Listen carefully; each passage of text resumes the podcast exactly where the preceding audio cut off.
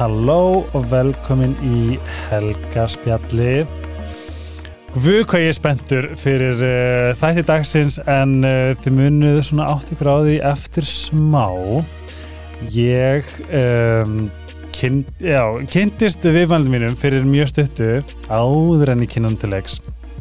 Það förum við yfir Sítokær, Dr. Teals, Neutral og Ice Herbs.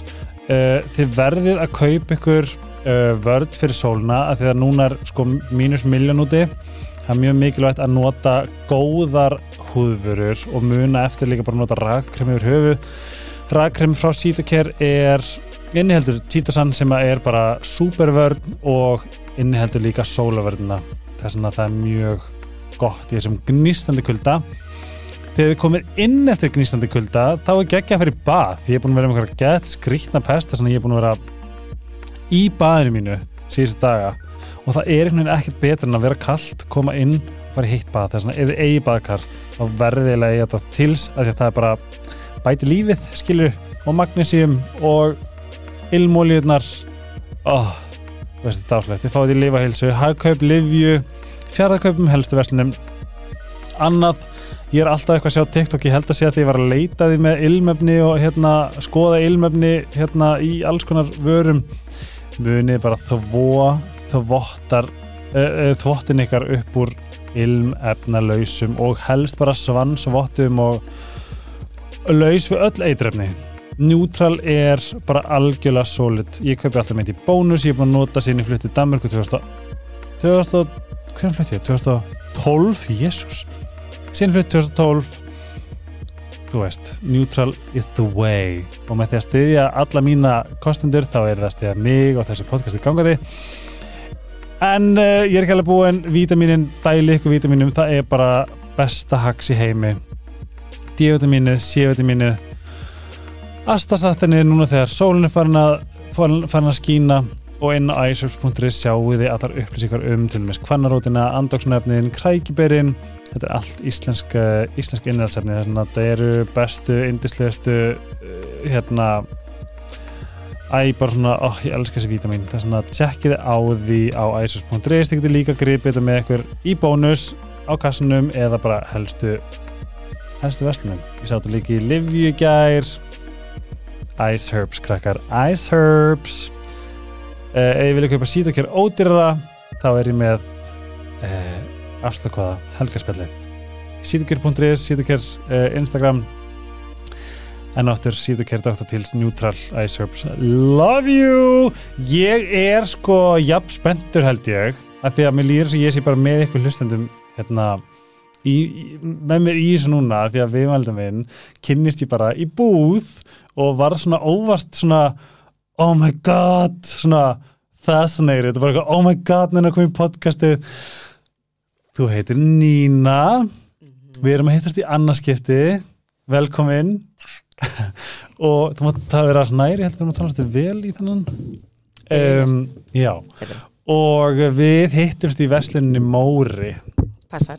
og fyrir ykkur sem að vita eitthvað Móri er þá er það hundabúð eða gældrabúð fyrir kettir sem svo líka og má ég segja hvernig mín upplifin var Endilega. þú lappar inn og ég fekk svona wow, bara svona mér fannst ég vera svona drawn to you og var svona forvitin og langar ekki að vita hvernig hundu ættir og var svona, það er svona skemmtileg tilfinning að vera svona forvitin bara, who is this? What do you do? þú veist, hvert þetta fara um, og þá kom við ljós að þú ert hundaþjálfari. Yep. og eitthvað neginn, ég ætla ekki að segja að þú að þetta hljómar gali að segja þetta en þú kannski lúkar ekkert eins og hinn klassíski hundaþjálfari. Ég veit það. ég sá neginn fyrir mér bara svona konu með glerugu dökkhærð og bara svona hundaþjálfara voru bara, bara með eitthvað svona eitthvað svona visual í höstum á mér. Mm sem eitthvað típur sem, sem að bara er saklaust. En hér er þú með bara geggi tattu í geggjum fötum, bara eitthvað svona ilmaður óksla vel ah. og mér langar að vita og mér langar raun að vita allt um mig það er svona who are you? Um god. Vítum við það nokkuð tíma? Nei, Eru nákvæmlega. ekki alltaf í þessari eilíðu leit að who the fuck am I? Jú, en ef við förum svona, við, í þessu podcasti förum við svolítið bara í smá prógram. Mhm. En svona, ef við byrjum bara, hvaðan svona ertu? Hér, hú veist, hérlandi. Hvaðan er ég? Já, svona, Mér er að fæta upp alveg. fættu uppalinn, Já, þú veist, hvað er svona... Bara í Reykjavík, Ah, bara breiðoldsbann. mm. Það er bara svona einfalt sko. Þú sagði mér frá því áðan að þú veist, þú hefur verið mjög tengdýrum Mm. frá unga aldri? Jú, Ef þú sagt mér næst frá því? já sko, ég hef alltaf bara, frá því ég mann eftir mig, þá hef ég alltaf verið bara þessi manneska sem að á bara svo auðvelt með að eiga sér samskipti við dýrin Mm og það sem kannski okkur finnst sjálfsagt að sé í umhverjunni sem ég finnst ekki sjálfsagt, Ok, eins og bara náttúran. já. og bara sem dæmi ég man svo skýrt eftir uh, því ég var lítil, ég öruglega ekki verið mikið meira en svona 7-8 ára eitthvað svo leiðis ekki búin að ná 10 ára aldrei að það var ég eitthvað að leika með sagt, krakkanum í næsta stigagangi þú veist, það var svona breiðholt þú veist, project child Já. þú veist. Já, og hérna og ég vissi ég vissi hvað manifesta væri. Ég vissi hvað það var að manifesta. Það. og ég vissi það bara inni menn ég kunni ekkert að koma í frá mér. Og þau, þau voru okkar að tala um hvað þeir langa ókslega mikið í, þeir langaði mér dukkuvagn og þeir langaði í svona eitthvað. Og ég fyrir eitthvað að reyna að segja, já það, ok, það er kannski ekki alveg þannig að þú getur samt dreymt inn það sem þú vilt inn í lífið þitt. Dreimt inn, flott orðað. Já, þannig að þú getur svona einhvern veginn tókað inn og ég er náttúrulega bara að útskýra þetta á mjög barslegan hátt, ég man ekki alveg nákvæmlega orð fyrir orð hvernig ég nota því, en ég man bara inn í hugunum mínum, það var þetta svo borlíkjandi og skýrt. Vá. og hérna, svo þau bara já, já, ok, svo fara þau eitthvað og svo hittist það aftur næsta dag líka og, og hérna og þá var alveg, heyrðu, Nína, þetta er bara algjört kæft þetta virkar bara ekki raskat, ég vaknaði í morgun þá var engin dúkkuvagn og ég alveg, já, nei uh, Þú þarfst að býða. þetta er, já, þetta er ekki alveg þannig Já. og ég var eitthvað að reyna að tala um þetta er svona meira hvernig þið líður Einmitt. og þau bara, ha og, og þarna var svona mitt moment, ég man, þetta situr sem mér að ég man eftir þessu momenti við næst að þarna gerði ég mig grein fyrir ó, það er ekki allir upplega sem ég er upplega Ah. Ég skildi það ekkert að fram að þeim punkti. Gerði mér enga grein fyrir, ég held að þetta væri bara svolítið bara allir í lífinu. Og hann er bara bann, skilur þannig að þarna var svona fyrsta mómenti því að segja, ó, Myndirðu halda að þetta væri, eða nú spyrir ég kannski, er þetta, þú var þeir, voru fóldreinir þarna eða tókst þetta með frá fyrirlífi? I have no idea. Fóröldur mín eru ekki þannig. Mamma ól, var einstæðmóðir hún reynda mjög næm kona en talaði ekkit um það og í rauninu expósa okkur ekkit fyrir því. Vá, það þannig að þetta var bara eitthvað sem var alltaf þarna. Og ég vissi náttúrulega bara aldrei almennilega hvað þetta var annað en bara ég þekkti náðu verildina og sjálfum mig ekkit öðruvísi þannig að ég hafði aldrei neitt samanbörð skilju, nema þegar svona hlutir fara að gerast eins og þarna með vinina þú veist, ég er krakki þá fatt að ég býtu já, nei, ok ok, þetta er ekki alltaf svona hjá öllum. Og þá fór ég svona að draga úr því að segja það sem ég vildi segja. Mm og tala um það sem ég langaði að tala um. Af því það sem ég langaði að tala um var ekki það sem þau voru að tala um. Nei.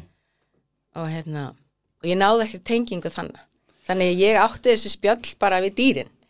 Og náttúruna og ég var alltaf að stinga að því á krakki og fara út í mosa og, og eitthvað svona Mér sko. finnst svo áhugavert að ég- telja þetta geti verið frá fyrirlífi?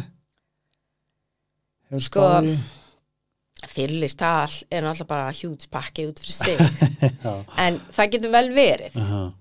um, mín ég get náttúrulega alltaf bara að tala um það sem ég upplifi hvernig ég skinja fyrir sjálfan mig Mhm. þannig að þetta er engar staðhæfingar eða alhæfingar, þetta er bara mín sín, Mhm. mín upplifun að ég held að sálin okkar afli sér alltaf þekkingar sem hún færir sér veist, frá lífi til lífs.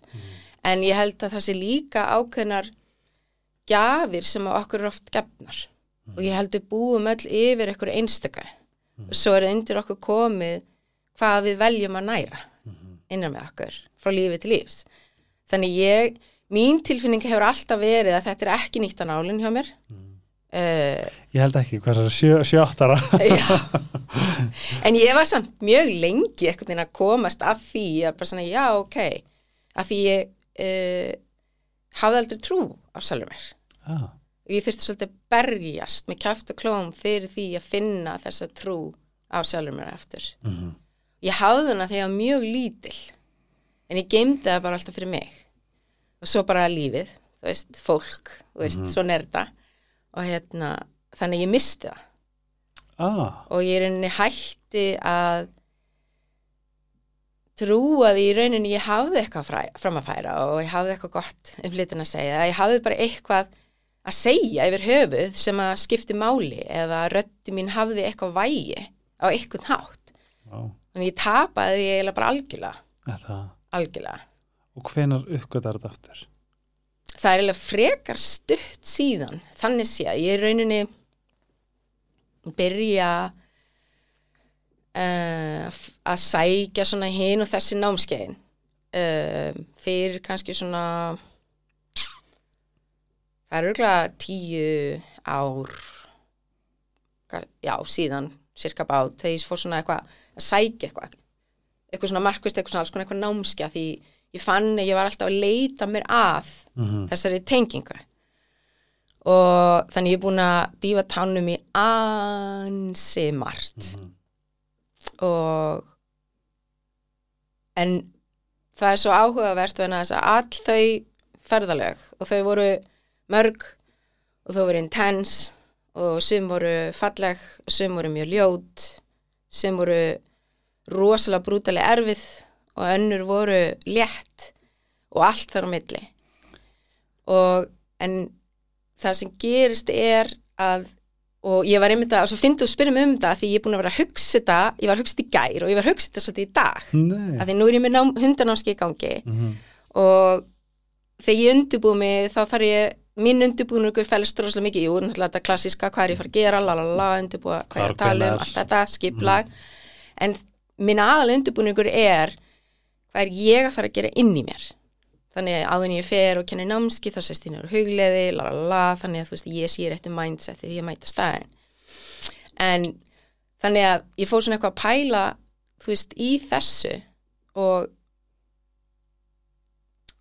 ég mista hans stráðin spyrðu mig aftur. Já, hérna, þú varst að tala um að hvað, þú ert að fara, þú spyrir sjálfa þig já, hvað þú vilt.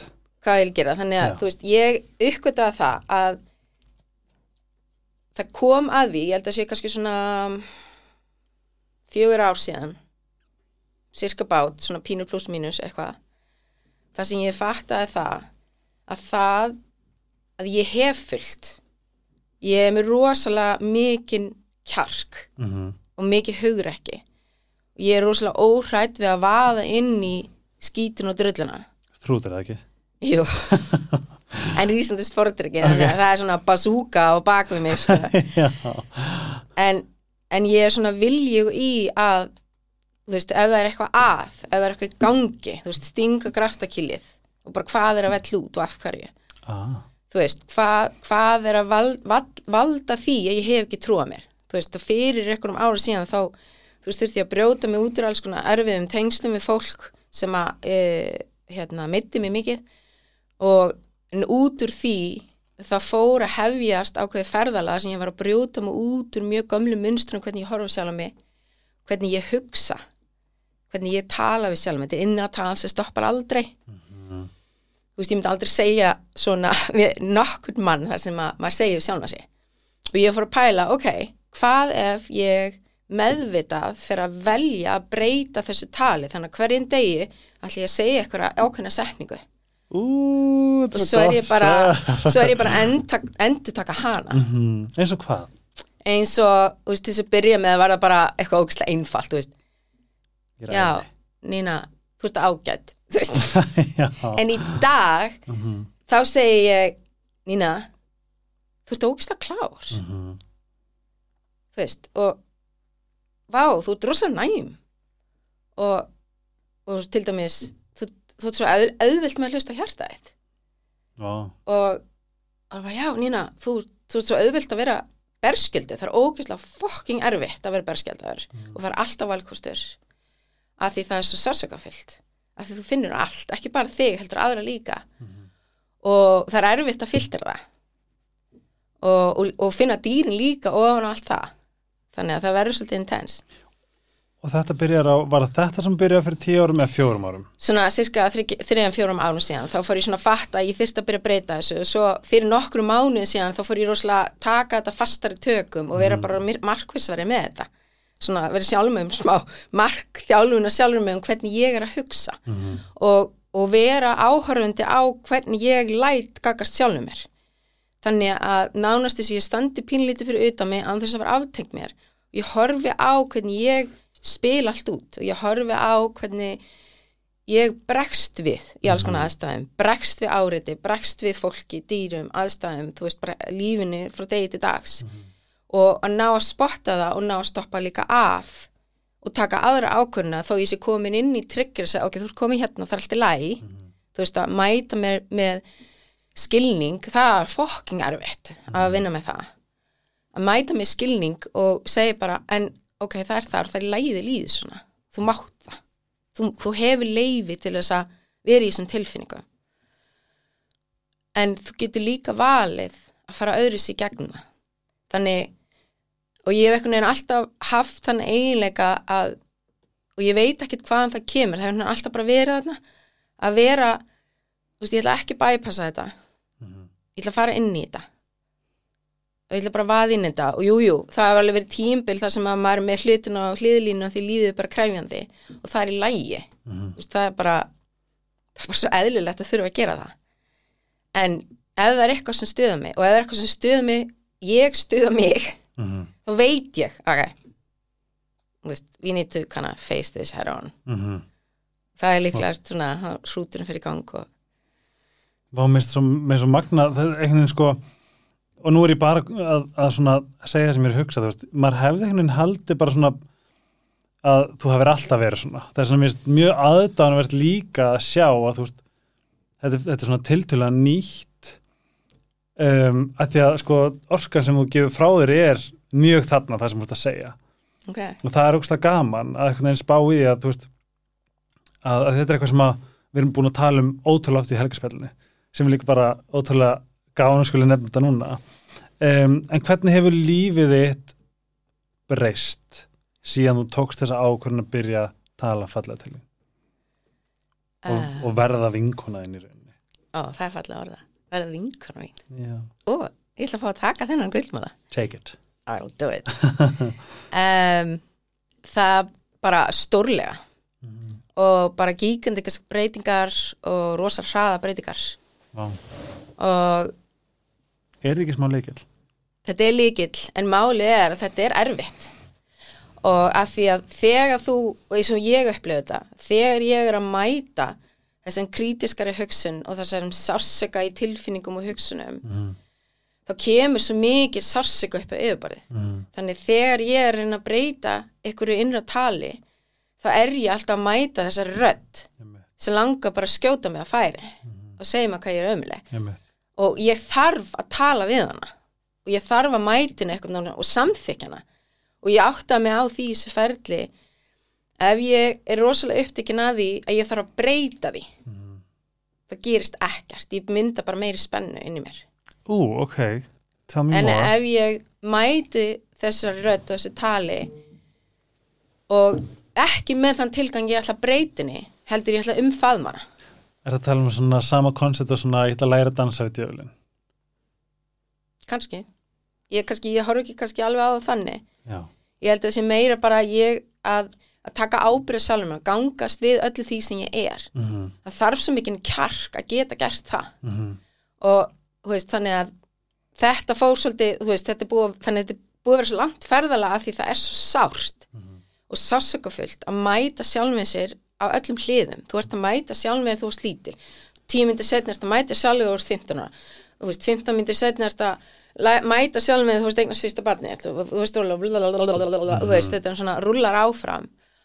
Og, í, og fyrstu árin, veist, þegar ég var svona virkilega stíðin, þetta var þetta intens og, og síðan þegar ég fór að taka þetta fastari tökum, þá var svona fyrstu mánuðinir þar bara svolítið erfiðir.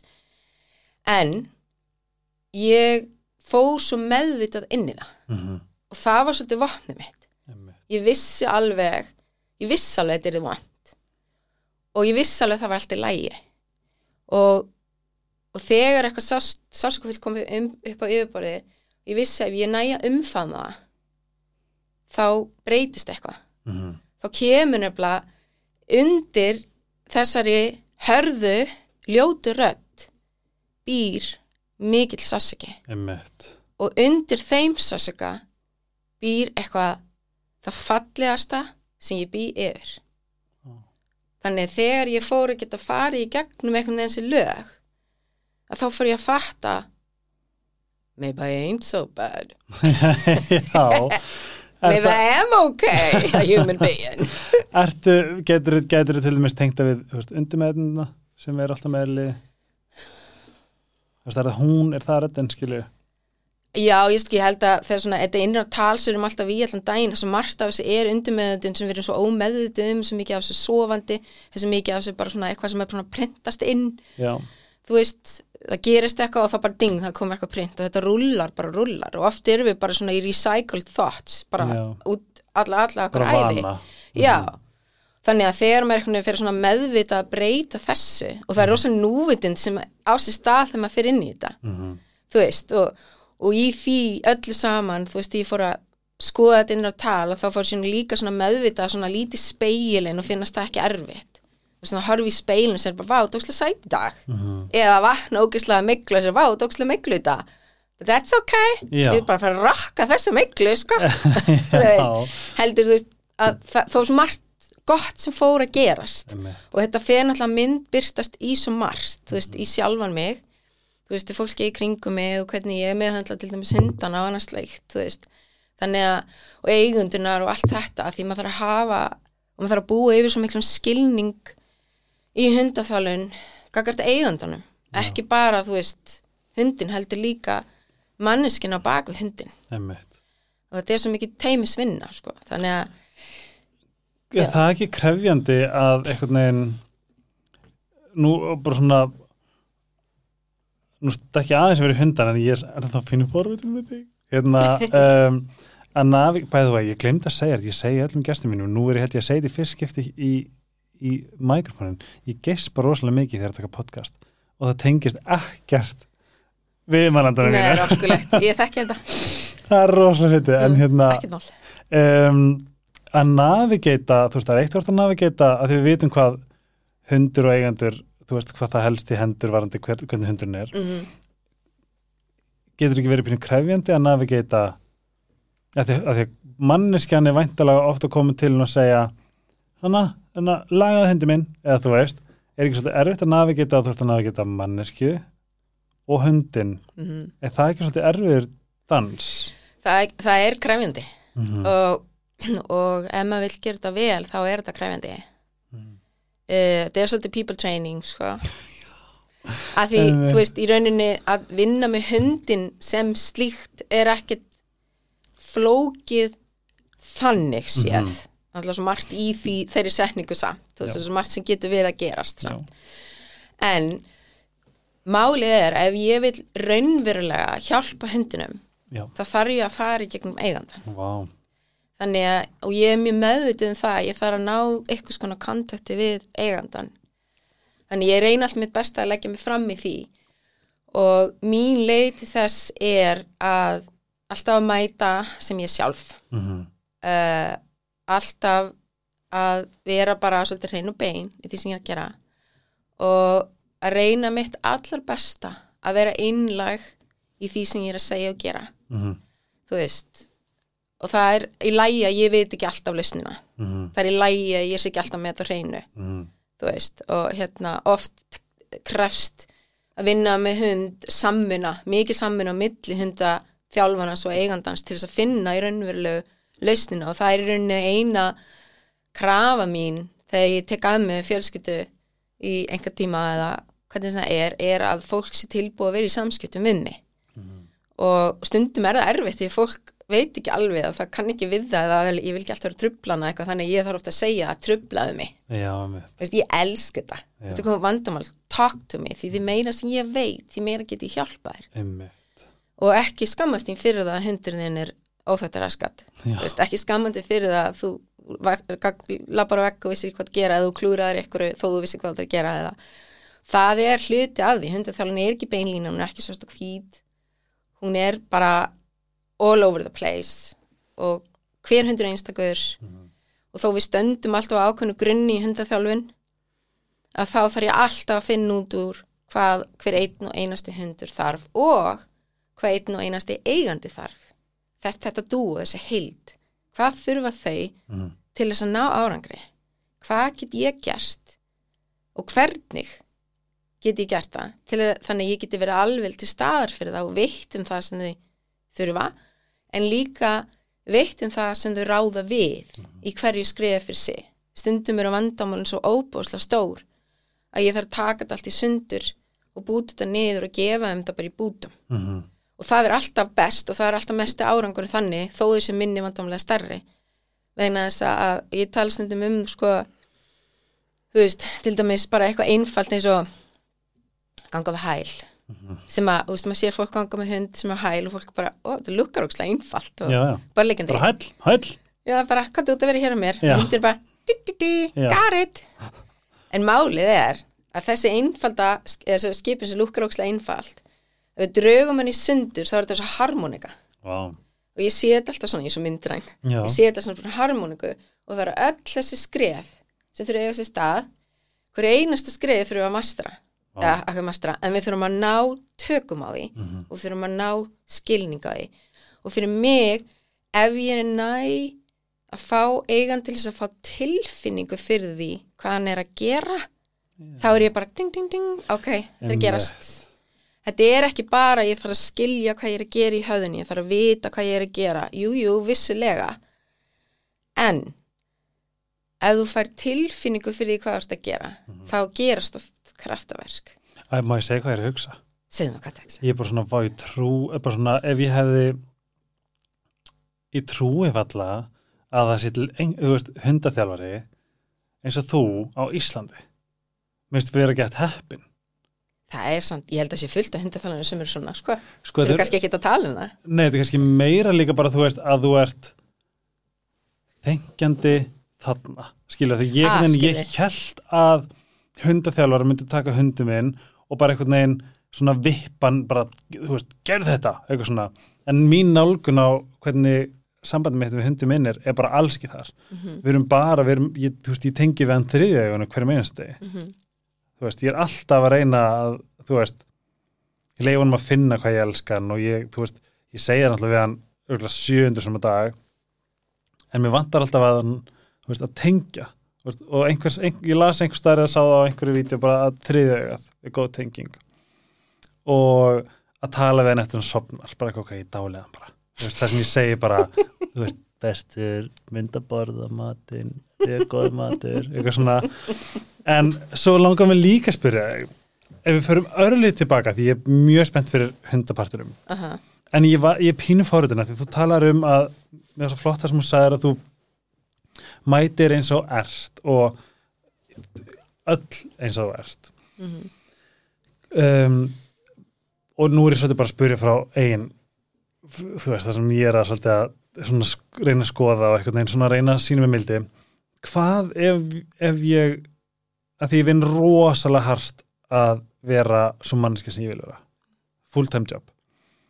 En hvað, ef, segjum til dæmis hvað þú mistiðu þig segjum að þú missi stjórnarskapi eða þú, það, það kemur eitthvað sem þú hugsar ah af hverju teklaði ég þetta ekki öðruvísi? Hvað, hvað, hva, þú veist nummer eitt hefur það gerst nummer tvö, hvað svona hvernig hvert, hvað, hvað er sjálfstalið? Meina það því ég er með hunda og Já, er með fólk í, í bara hvaða aðstæð sem er. Og maður gæti hvaða aðstæð með þessum lífinu? Já að því ég lendi, ah, sko ég lendi í ógslafindi ég lendi í tvisra fullu tungli að ég misti svolítið að svona einhver réttlætiskend kom í mig og ég misti svolítið ég misti ekki svolítið á skapin mínu þú veist, það alls ekki. Ég bara varð mjög þráðbeinn. Mm ég skilur allt hverju -hmm, en ég, ég bara búin að hugsa síðan okkur, okkur sagði ekki bara þetta og klára Mhm. þetta? Mm og ég er búin að straklast við það. Ok mitt á það. Ég, vá, ég skilði í tengi svo Ok. svo fast við það svona að segja. Og, og þetta er rosa erfitt ferðala að fara inn í þetta. En ég horfi stundum á þetta svona. Ok, hvort sem það er ár, tíu ár eða fimm mínútur þá er ósangjant að mér, gagart sjálfu mér að ætlast til þess að ég vissi betur þarna, þegar ég veit að núna. Einmitt. en ég ber ábyrð á sjálfu mér Mhm. þúsund prósent, Mhm. alveg sama hvað er Mhm. þannig ég get tekið ákvörðum að gera betur næst Mhm. og ég held að þetta komi fyrir mér kemur þetta alltaf að þessum parti að gangast við mér sjálfri Mhm. þannig veist, auðvitað gerum við feilsporinu við missum stjórn okkur við veist, erum íllupplöð og eitthvað svona það er bara gefið að það er áframhaldandi verkefni Mhm. og ég fyrir mér er það svolítið svo að vera þessi ófullkomleiki fullkomleiki Mhm. Einmitt. af því að því við erum eins og við erum Mhm. það gefur okkur svo mikið svigrum og tækjafærið til þess að þroskast Einmitt. og til þess að vaksa og til þess að velja hvernig vil ég vaksa inn í mér? Einmitt. hvernig vil ég lenda inn í mér?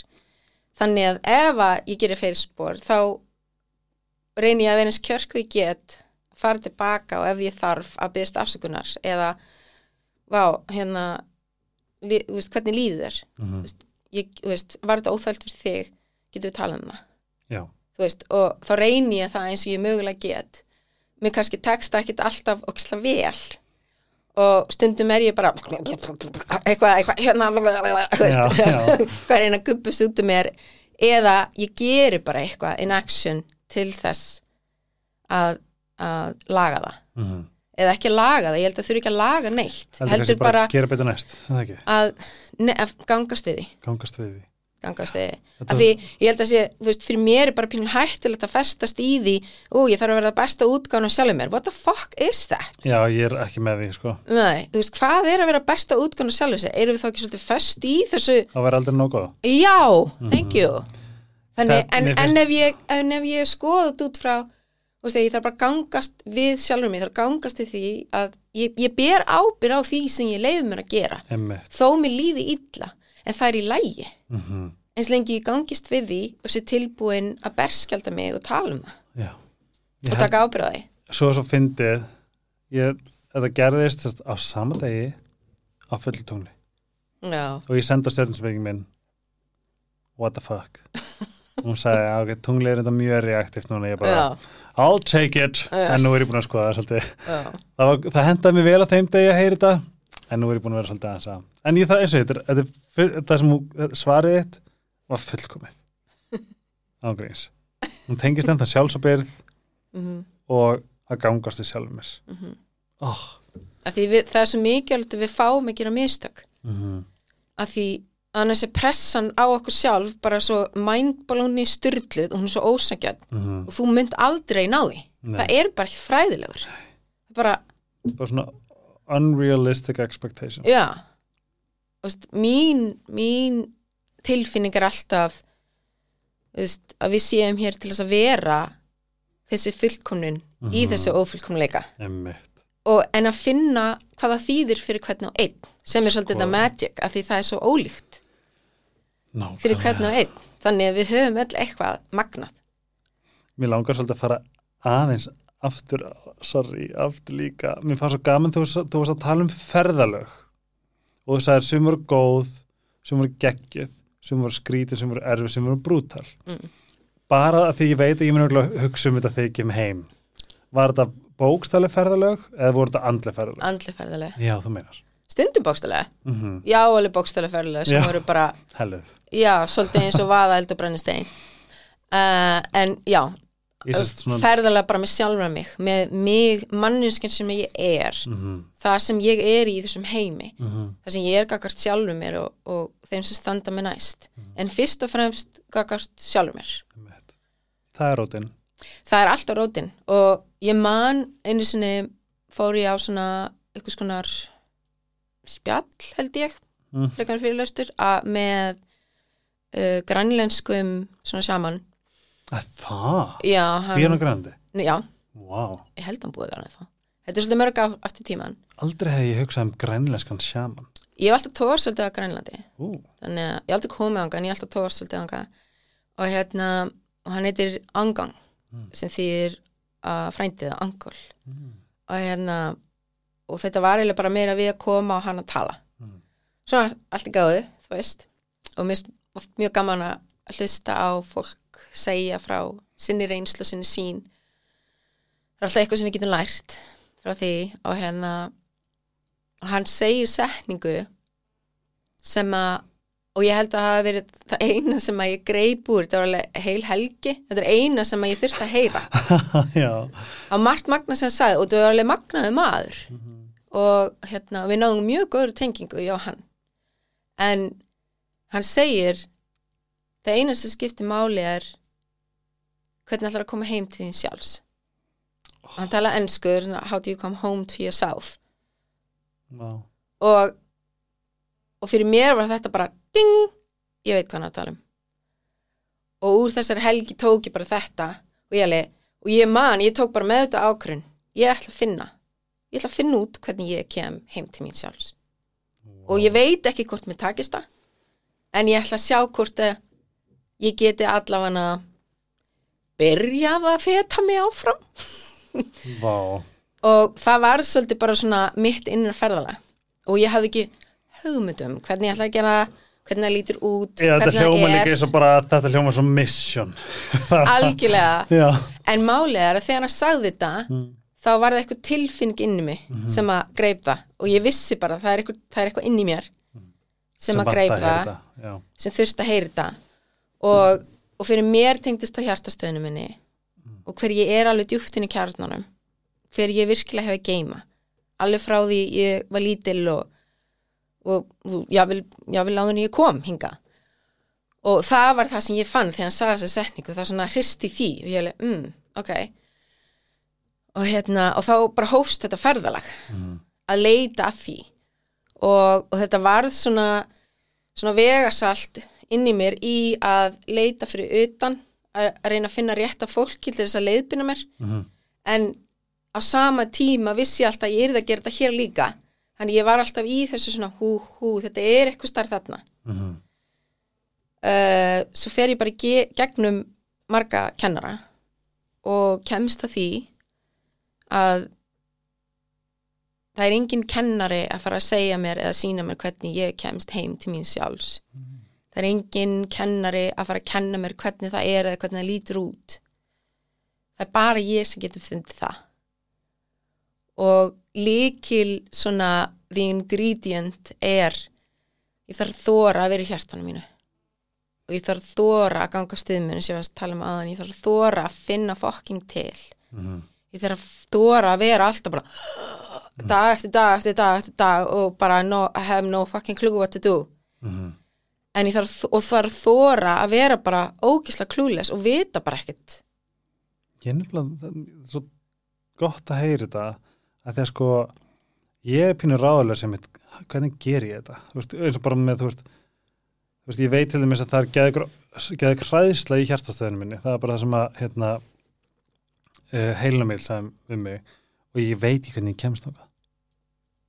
Skilju, mér finnst Mm. það vera svona uppgjöfun mín bara, ég veit ekki hvernig ég gera það þú veist, ég skil hvað við um, það er svona ég skilur þetta þú tala um þú veist, að það er enginn að fara að hjálpa þér ég þarf bara einhvern veginn að mhm. leita og, og pröfa og þóra, þú veist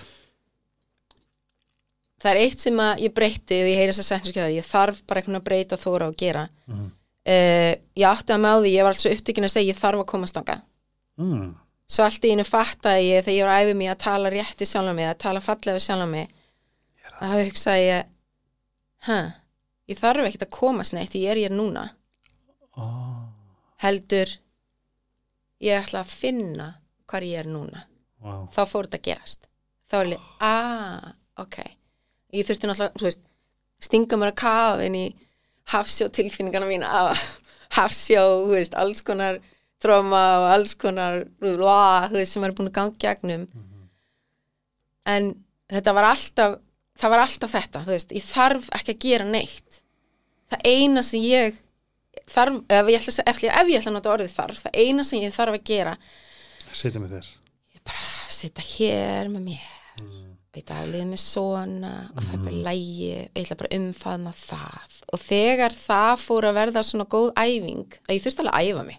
Fyrst var það bara, Hvað er að fuck, hvað þetta er hérna? þetta er svo erfitt, en ég var bara búin að ákveða og því ég er, veist, ég bara þú veist, ég, hrúturinn, svo þú segir bara ég fyrir á kaf þegar ég ákveð fyrir á kaf. Mhm. og þeir sem þekkja mig nánast vita þetta með mig.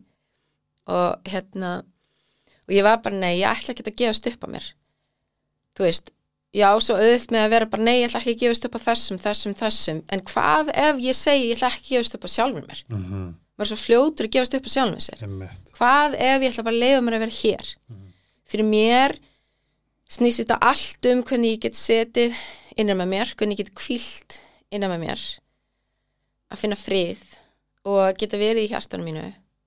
Og mér varst alltaf að fyndið hérna, og ég reyni þú veist, ég reyni, ef ég tala um þetta reyni ég að passa með þér ekki um svona að þetta hljómi ekki svo hræstni eða hrókja því ég meina það ekki þannig en þú veist, þegar maður fyrir í svona alls konar andlegt eitthvað dú, dú, dú, þá er oft, þú veist, verið að tala um þú veist, bara með opi hjarta, opi hjarta opi hjarta opi hjarta. Svo er enginn með opi hjarta, Nei, að það er svo fucking sárt. Og hérna Ég veit ég aldrei hvað þýðir akkurat, það er það sem ég ætla að segja. Þú veist, þegar fó- fólk fyrir náskæð bara með opi hjarta, fólk bara já. En það, ef þú myndir honestly spyrja manneski, one to one Mhm. hvað er, hvernig á ég að bara, Eh, það veit það enginn. Nei, bara að drekka kakó. Já, eða eitthvað. Þá opna hjartastöðina. Já, og ég meina ef það hjálpa þér þangað, geggjað, skilur við og þú veist, það er ekkit mitt að, að hafa skoðun að dæma hvernig aðrir fara að þessu en, en ég fann það bara fyrir mig Mhm. að, að vera með opið hjarta er bara the most brutal fucking thing sem þú velur að gera í lífinu. Vá. og þú þarft að velja það á hverjum einasta degi Einmitt. upp og nýtt og svo oft þarf ég að velja það og eiginlega, ég held eiginlega örgulega bara alltaf. Já, ég held bara eiginlega örgulega alltaf, alltaf. Þarf ég að endurlega að endur velja það yfir daginn. Og það er bara og stundum og þetta er búið að vera svolítið svona langt ferðalega og, og þetta er svona, þetta er bara æfið, þetta er svo vöður sem maður bara æfir, þú veist. Mhm. og það koma dagar eða, eða, eða bara tímabil á dögum þar sem að ég er bara svona oh my god, ég er svo exhausted þá vel ég meðvita Hó, ég ætla aðeins að setja slæðina fyrir núna. Because I need a fucking break. Að því ég held nefnilega að maður Og það er mildi. já, einmitt, að því maður miskilur svolítið held ég stundum hvað þú veist ég finna þegar ég dettur, þegar ég týni mér smá Mhm. þá er bara þá er þetta búið að vera, einmitt, slæðin búið að vera of lengi á þú veist, það er svona, þú veist mér veist ég alltaf, ég hef oft segið við kærstum bara svona, ó, mér líður þess að ég að gleyma sjálfur mér. Þú veist, ég er að gleyma að fara bara og, og, og aðeins að vera með mér, skilju en það er samt líka, okkur, þetta er svolítið svo fyrir rektina það er ógst að næs að vera bara upp í sófa en því líður mér vel að fyrir rektina veist, þetta, er, þetta er ávinningur, þú veist, að Mhm. styrkja æðar og blóð og þetta, þú veist, hérna. Þetta er svona flókið að svona, þetta er svona, að það er ógislega auðvelt að gera þetta ekki. Það er ógislega auðvitað að gera þetta ekki. Og ég þarf sko og ég er svona eitt, og einmitt eitt af því sem ég læri og búin að læra núna síðustu sérstaklega síðustu svona árið Mhm. svona síðasta ár, hús 2022 var rosa stórt lærdóms ár fyrir mig í að þóra sína mér mildi og þóra að stíða tilbaka því ég bara hjakkast áfram bara Nína, þú bara ert að fara í þennan skít. Bara haldu áfram. hrútur, hrútur, hrútur. go, go, go, go, go, go veist, alveg bara og þangað til, þú veist, ég hangi valla á límingunum, þá er ég bara já, svona, svona let's go bara, í lóðan let's go. Og hérna og svo allt í hennu fatta ég bara ok ég held þú þurfir ekki að gera þetta með svona mikill herku Einmitt. og það, það kom í gegnum tvent þessi svona uppgöt, nei þrænt í gegnum uppgötun, það er fallið dásamlega maðurum minn sem að þessu stöður og sterkur og, og svo duglegur að halda utan á mig þegar ég er að ah, vinna út í mínu hundanir og uh, þetta er innra samtal sem ég var svo búin að svo dedikita sjálf á mig að byrja að skoða og vera markvist að mæta, alltaf að mæta þó þessi bara eitthvað lítið á hverjum degi. Þú veist, ef ég er illuplegð og orkulítil þá bara er það eitthvað lítið. Þú veist, að muna að stoppa, anda og bara mm, ok. Og, og oft yfir daginn þá þú veist svona stoppa ég og spyr sjálfur mér Nína, hvernig líður í alvöru akkur núna? Mhm. að það er svo auðvöld að gleyma sín amsti dagsins. Þú veist, og bara hvernig líður í alvöru núna?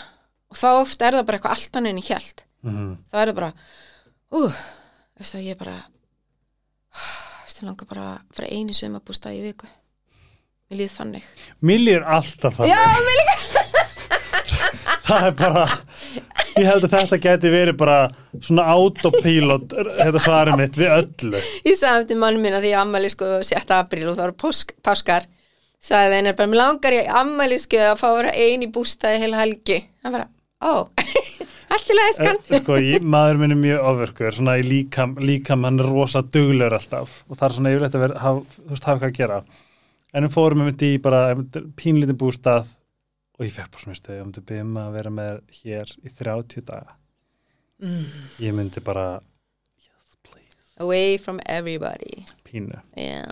Ég taldi um manifest, þá er ég að manifesta eitthvað mega cute jörð eða hús einhverstað sem er þægilega nált bænum Mhm. en einhverstað í raskati líka Uh, ég er með eina aðra spurningu áður en fyrir mig hundana því ég finna er hann mjög spenntur. Þú ert svo fallega skreitt. ó, takk Hvað er þetta búið að vera long process? af Því þú ert mjög bara, ég, nú veit, Um, veit ég ekki hversu cover þú eru. ég er ekki alveg hvað verður sko Nei, og fólk heldur það ofta því því ég er með svo mikið á því sem sést já, já. en ég er alveg með meira sko, Mhm. mikið meira Þetta er sko Um, eðla falleg flúr sem þú ert með. æ, takk Ángríns. ég er svo heppin að eiga svo fallega vinkonur sem eru flúrarar Ah, og þær hæra svolítið eiga svolítið heiðirna megnina listin á mér líka bara þú veist dítilarnir hérna. Mm. Hvað ég vildi að, núna væri ég til að vera með videokamera hérna. sko þetta er hún Habba hún Hrafnildur Guðansdóttir sem að er með svona póking engin mjöl svo hún líka gerir þetta sem ég má högunni og Má ég spyrja hvað, er þetta ekki eitthvað svona, þetta er eitthvað svona, þetta er eitthvað, eða ekki? Maður þetta er nefnilega eitthvað svolítið mikið þetta er mjög persónlegt þetta er flúr og það þurfti ok. svo mikið kjark að þó, þóra að setja svona persónlegt flúr á andlitið á mér Mhm. Til að byrja ykkur sem að, sem að sjáðu ekki, það er þetta lína frá neðri vör í miðinni, hérna niður á högu, háls, já, og þrýr punktar undir þrýr punktar undir og þrýr Og punktar meðfram. Mhm. Mér finnst það geðvegt. Takk. Þetta flúr á sér sögu. Þetta var flúrað á ammælisteinu mín því ég var færtug Mm. og með henni höppu og nánu vinkonum sem að heldu utan um okkur, utan um mig og sungu og það var bara svona aðtöp Vá, og hérna og þetta var eitthvað, sko, ég var í ár á undan að teikna þetta alltaf höguna á mér á henni fór í vinnuna. nei. Ég var sko í heilsa sinni kringlunni, bara ekki mikið Ah, fólki. Já, alveg fólk og bara til þess að testa þetta af því þetta flúr kom til mín í öllum draumum öllum hugulislum það var bara alltaf þetta ég, þú aftur. að hafa verið einhver, einhver geggju típa í fyrir lífi. Þú ert örgulega bara eitthvað að setja aftur að þau. það getur verið mér sko að því að Það var stöðlega bara eitthvað mæjan típa. eitthvað er það þetta er mjög, fyrir mér tengist þetta konun í mér Mm. fyrir mér tengist þetta þessari tunglorku fyrir mér tengist þetta að vera jarðtengt og fyrir mér tengist þetta að vera kona sem er búin að gefa sér bönn búin að halda utan á fjölskyldu Ah, er Búin að það ala þrjú upp. þrjú bönn og já, það sem að, þú veist, þetta er erfitt. Það er ógæðislega erfitt að vera mamma, það er ógæðislega erfitt að vera fóreldri Mhm. og mér fannst það mjög erfitt. Og, og þetta er eiginlega bara, þetta var svolítið svona svona eins og bara mér fannst þegar ég, þetta kom til mín og þegar ég gerði þetta fannst mér, leiði mér eins og ég hafi unnið fyrir þessu flúri. Það var alltaf tilfinningin sem að var svona undir staðan í þessu Mhm.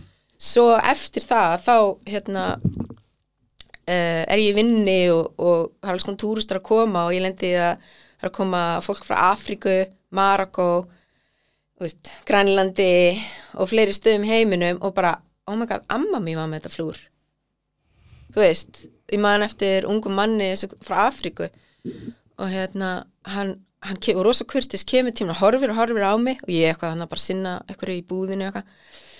Kemur tíminn hérna, hérna spyrir mig mjög fallega á ennsku fyrir ekki að það í tröflið en hérna má ég spyrja því hérna nei, hann segir hérna, mér langar bara að segja það er mjög aðtikluvert að sjá íslenska hvíta konu mm. með þetta flúr á hökunni. Og ég er náttúrulega, ú, ha, já, það? Mm. Þannig já, hún hérna amma mín uh, var með svona flúr og hún var svona svona eins og við undum kalla á íslensku seðkonan í þorpinu.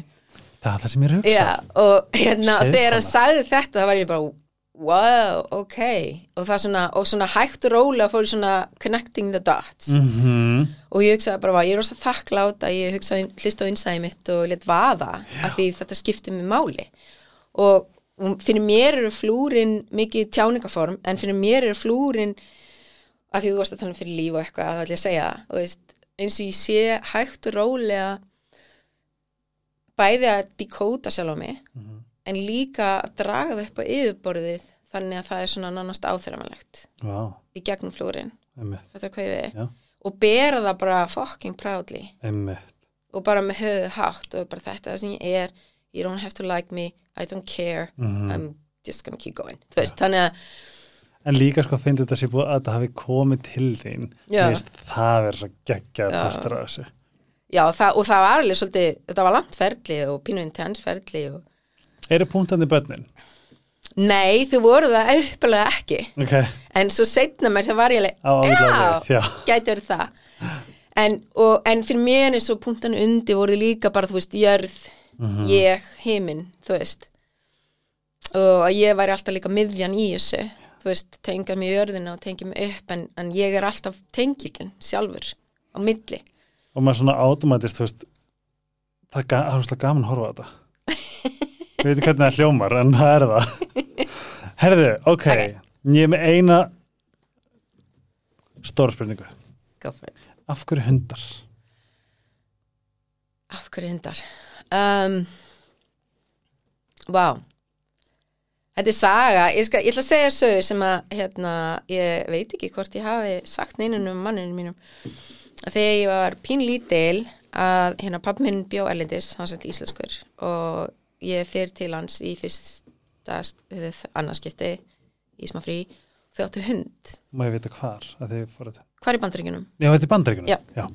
og hérna Ú, hvar er bandaríkunum? á þeim tíma, ég manna ekki Nei, Minnst ára já, já, það ára nei, en hérna þá áttu þið hund sem að var svolítið svona, þau var ekkert að vinna með hann ekkert að, úst, í dag horfðu ég á það bara, það var náttúrulega ekkert að vera að vinna með hann hund, hann var bara svolítið bundin í eldursinu þannig að hann var svolítið svona crazy og þegar maður labbaði fram hjá þá var hann alveg "Ah!"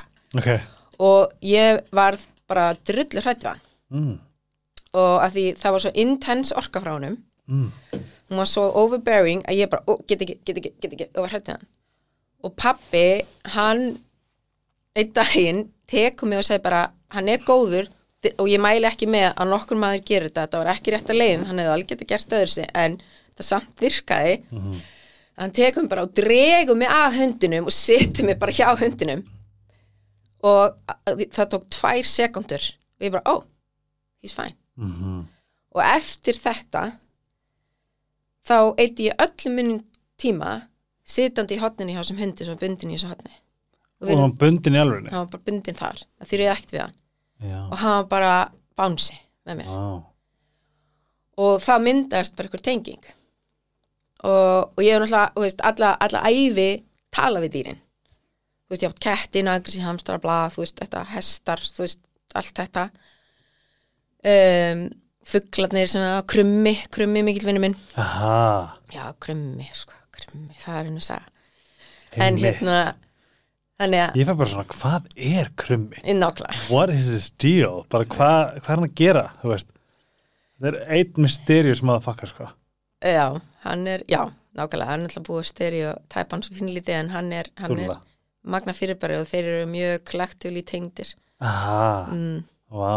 mjög, það er svona Ég meinti samt þetta mjög fallega, mér finnst þetta magnaði, þeir eru sko. magnar verið en hérna, en þetta svona var til þess að myndast eitthvað tenging og svo, svo sem er ég ekkert endilega eitthvað að gera mig, ég er bara krakki skilur, heldur sem að vaksa upp á grasi og, en var alltaf tengd og náttúrulega búin að eiga eitthvað hunda og alls konar eitthvað svona og, og búin að gera allir mystikinu bókinni og allt þetta en hérna á hund, átti hund sem heit Freyja hún dó fyrir rúma ár síðan og hún var veik hún var sex árum dó, hún var veik og dó og bortikoli og hún kendi mér rosalega mikið Mm.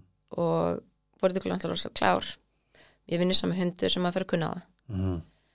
og það er mjög auðvelt að fokka upp bortikoli, það maður veit ekki hvað maður er að gera og það bara þannig Kaupið það. og hérna og hún varð svolítið svona ákveð instigator til að því að ég vildi skilja meira hvað ég var að gera og hérna það var kona sem ég þekkti á þeim tíma og erum ekki þinn einum samskiptum eða þekkti aðeins svona og mjög næm Mhm. ég man ekki eins og hvað hún tala um hún segi við mig hérna svona out of the blue hérna Nína hefur eitthvað pælt í hundaþjálun það er eina sem þetta að segja ég bara tók það hundaþjálfun fór á neti Plam. það var bara dong. Og ég svo fljót ef ég finn það að það er rétt þá bara Mhm. gríp ég það og ég fer með það. I just run with it. Þannig að ég fór bara á neti og fór að googla hundaskóla. Vá. bara hundaskólar, hundaskólar, hundaskólar hundaskólar. Og, ég, og því ég vissi alveg, ok, ég, ég tala við hundin minn en ég gerði mig grein fyrir því að það þarf líka að vinna með hundin sem jarneska veru í þessum líka með hér og nú. Mhm. það þarf allan pakkan það er ekki nóg bara að kommuniketa við hann ekki um orku þú veist, að eiga svona innra samtal við hann, það þarf meira að gerast. Og hérna og ég finn hundaskóla uh, og ég nota, og þannig að nota ég fann ykkur hundaskóla hérna og hvort þau voru þrýr eða hvað þeir voru margir. Og ég ákvaði að nota innsæði mitt og þekkti engan af þeim fólki eða sérst manneskina sem sjá hann kenna. Og innsæði mitt bara öskra á mig þú ert að fara í þannan skóla ég bara ok og það er hundaskólinin heyruna villu Mhm. og, og ég bara ok, sendi bara post bara skráði mig og bara Til þess að vera eða til þess að verða hundaþjálfar Já. og það bara hefst þetta ferðala Er hún næs? hún er æðisleg Já. og Hún er ekki þessi skeri þjálfari sem ég var að tala um. Nei, hún, á, hún er ros, hún er myndið að vera bilaðslega mikla reynslu, hún er bilaðslega næm að það sem hún er að gera Cool. og hún á svo auðvilt með að hjálpa þeir sem að koma, eða allavega eins og ég upplega fyrir mig, Mm að hjálpa nefndanum að blómstra í sín styrkleika. Vá. Ok, það er pottit ekki hún. Því ég legit bara, ég fæ bara svona, eins og bara þegar í Móra, þegar ég heyri að vera hundaþjálfari, Já, ég strax fóru bara svona, ætla sé hún, þú veist, ég er kannski búin að velna svona svolítið mikið í haustum að mér. En þessar sögur voru svo styrlaðar. ok. Það er svona, thank God it's not her. Eða Nei, kannski er þetta hann, ég maður ekki eins og en hún er færi svona í sviði og hérna og ég bara hóf þetta nám og þegar ég hóf þetta nám þá hafði ég sagt, farið út í það að taka að mér annan hund í gegnum vinkunum mína sem fann gott á götunum í Greiklandi nei. og hún Batti, hún er jógakennir og, og rekur hérna Reykjavík jóka og hún er mögnu kona bara alveg mögnuð og hún ákveði bara ég er að fara að koma þessu goti heim Vá, öllu gott. Já, og þurfti náttúrulega að safna pening fyrir þessu og þú veist, þetta var alveg massa verk en henni, henni tókst þetta Vá, hvað það magna. mm, og ég tók eina tíkina úr því og hennar kölu og tek við þessum hundi og það er svo fyndið og þetta, þú veist hvernig þetta allt raðast rétt upp sko. Að þegar ég fer í að taka, eða sækja hana í hérna sóttkvinni Þá- hún var, þá var hún minni mig orðin nýju mán Já, ok, hún var alveg eða sex má, eitthvað starf þar á milli. Hún var ekki baby en hún var náttúrulega þá kolpurinn í hausnum en orðin stór, Já, meguleg baby fara í svona ferli. greinilega. Ok. ég veit svo sem ekki alveg reglugjörinu með kolpa en náttúrulega rektundu þurfa að flytja inn alls konar hunda. Mm um, mér þekki það ekki alveg, við erum ekki alveg inn í því. Bara forni. já, en hérna og akkurat þegar ég tek við inni er bara námið að hefjast. Þannig ég tek við henni og hún er bara hrættar en allt sem hrættir, hún er bara gangið gegnum sóttkvíð og ferðalagið og kemur á göttunum að vísu Buddy og maður sem var með þá þau hugsa óbúslega vel um hvort maður tók hann bara inn á hótelherbyggið og ákvaði verið lengur og bara þau bara hjóli í þetta halgir hetjur sko. Vá. Þannig meina að segja hann nefnilega. Og hérna og ég horfði bara á þennan hund og bara fuck hva, hvernig er ég að fara að hjálpa henni? Mm. ég fann hvað hann var hrætt og hvað hann var chaotic í hu- hugunum á sér af því að hún var bara í miklu ójámægi og miklu, miklu móta. En ég fann líka hvað hann var bilaslega mikið ljós með henni og hvað hann var rosalega hugrökk og hvað hann var óbúslega gáð Já, og það sem bjargaði mig líka og hjálpaði mig mikið að vera með Freyju sem var hún mjög vel þjálfið og hlýðin og hundar læra mjög hratt á öðrum hundum. Mjög hratt. Mjög hratt. Það gerist bara ding ding ding ding ding ding. Ég skal segja að Noel minn bara, hann átti sérst, fyrirandi tengdafóldur minn átti gamlan hérna snáser, nei æ, pulsund, hvað heitir þetta? pulsund, Já, segi pulsund bara pulsund. Uh, hann var hann svo þreyttur í lífinu. Hann bara, hann kendi honum svo mikið bara, þú þarft að chilla. Já, bara, þú þarft ekki alltaf að vera á fullu. Og þannig lærði hundur mér það, mm hann lærði ekki mér. Já, Kalaði mitt sko lærði rosalega mikið af Freyju. Hún tók hann alveg gegn og lagði mörkin strax. Vá. en hún líka síndinni að það er gott að vera hjá mér. Að því Já. Freyja var bara alltaf hjá mér. Hún var bara skökin minn og fylgdi mér allt sem ég fór. Mm. og því sem gerði og hérna og þá fór Kala svolítið bara svona apa eftir henni. En uppáfst þetta ferðalag og allt verkefnin sem ég þurfti að gera bara notaði ég náttúrulega báða hundana en sérstaklega kölu. Að það var náttúrulega svo auðvelt á freyja það var eiginlega ósangjant að skilin verkefni með ókslega góðan hund. Og ég alveg bara ekki þarf eiginlega að skilin verkefni sem er með aðeins meira krefjandi hund. Já, þannig ég notaði það á kölu sem bara kunni ekki neitt. Ok. svara ekki nafni og, og, veist. Og það var bara þú veist, það var alveg rocky road sko. Það reyndi á hvernig einasta þólum aðeins dropa og í ykkur báðum? Já, já, já, já, já. Þetta var alveg, þetta var alveg ferðalag sko. Já, en hún gaf mér mikið og kendi mér mikið. Og ég komst í gegnum þetta. Og hérna þannig að þetta var bara, já, þannig að hún, hún var svolítið magnaður hundur. Er hún hjá þér?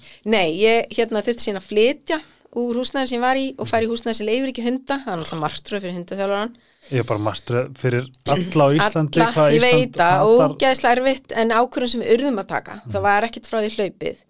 En ég fann æðislegt heimili. Hérna, Æ, svona hún vina er- fólk mitt tók við hann við henni. Er hún ennþá með okkur? En, já, já, já, já. Og hún er það- bara að eiga sitt besta hundalíf Ó, bara hjá hvað- þeim. Og ég fæ fylgjast með og ég er alveg í samskiptum við þau og ég er búin að fara að hitta hana og, veist, og, og hérna að ég veit að allt er gott skilu, þannig að ég nefnilega sko, ég get sagt þér eitt. Ég var í leigu íbúð sem að mátti hunda og hún fór sölu svona ég fór að leita þurfti að fara að leita áfram og bara kaupa leia mér alls sama. Ég þurfti bara að fá hundi með mér. Og allar íbúðir sem að voru með, þú veist, hérna þú veist, með svona sérhörð mm -hmm, það bara, ég myndi ekki leifa ég, ég vildi ekki svona hann myndi búa þarna sko. Já, og ég bara þetta var mestast, ég get ekki sagt hvað ég skrifa til margra já.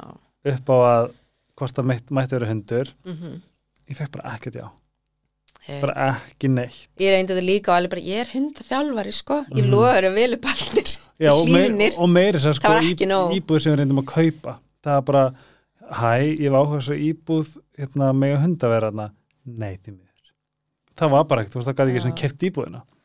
Það er svona, ég var bara svona, þarna, var ég bara þarna, ég bara svona fuck it, og þá ætla ég bara að fara að vinna í skólanum og segja þessu og mm búið með hún þar, það var bara ekki sens eða, þú veist, ég bara, þú veist, þetta, þetta var á þeim tíma sem hann spilaði s- svo sem stærsta hlutverk í lífinu, bara stærsta hlut sem einhver mun spila. Mm en enga síður ég skil ekki okkur Ísland hatar hunda þetta er ógislega erfitt sko. Nei, þetta, þetta er bilun sko við erum náttúrulega ung, ung, ung, ung hunda þjóð, við megum ekki gleyma því. Oh, ég það er að spila stórt inn í þetta. Já. Þannig við erum rosalega miklu lærdómsferli en þá mm. og svo ég, hefist þetta verið að stela, honum minni sko.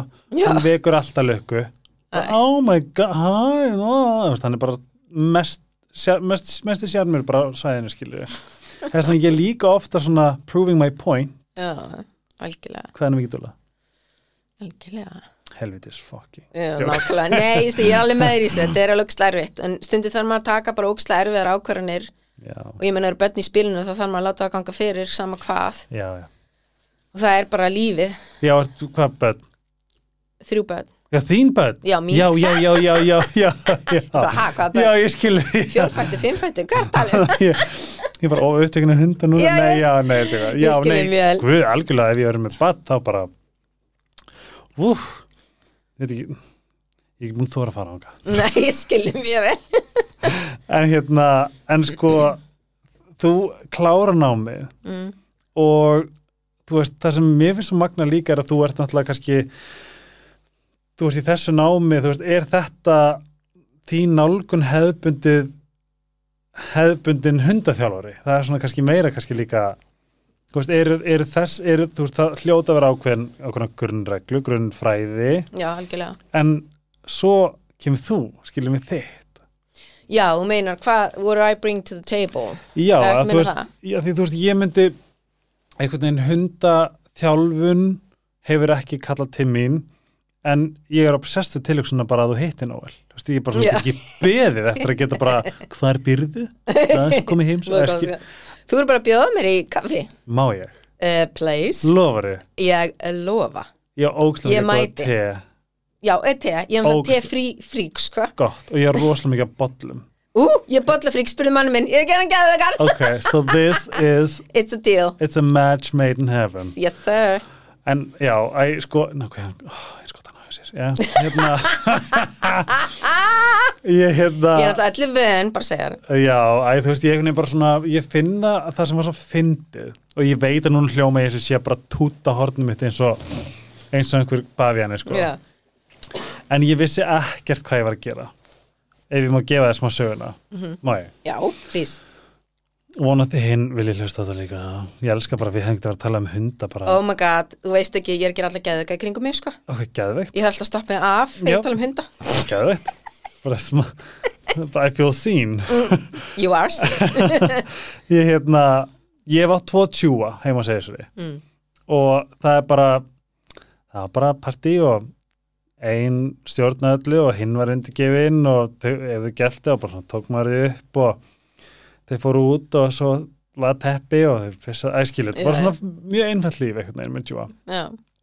og svo er Nóel sendið til mín og mér fannst það bara það erfiðasta, ég grét og ég grét og ég grét og ég grét og ég bara fannst það svo erfitt að Mhm. finnast eitthvað sem var svo fallegt og reynt og saklaust, svona ógæðslega krefjandi. Það var bara, ég get ekki lísti hvað mér fannst erfitt.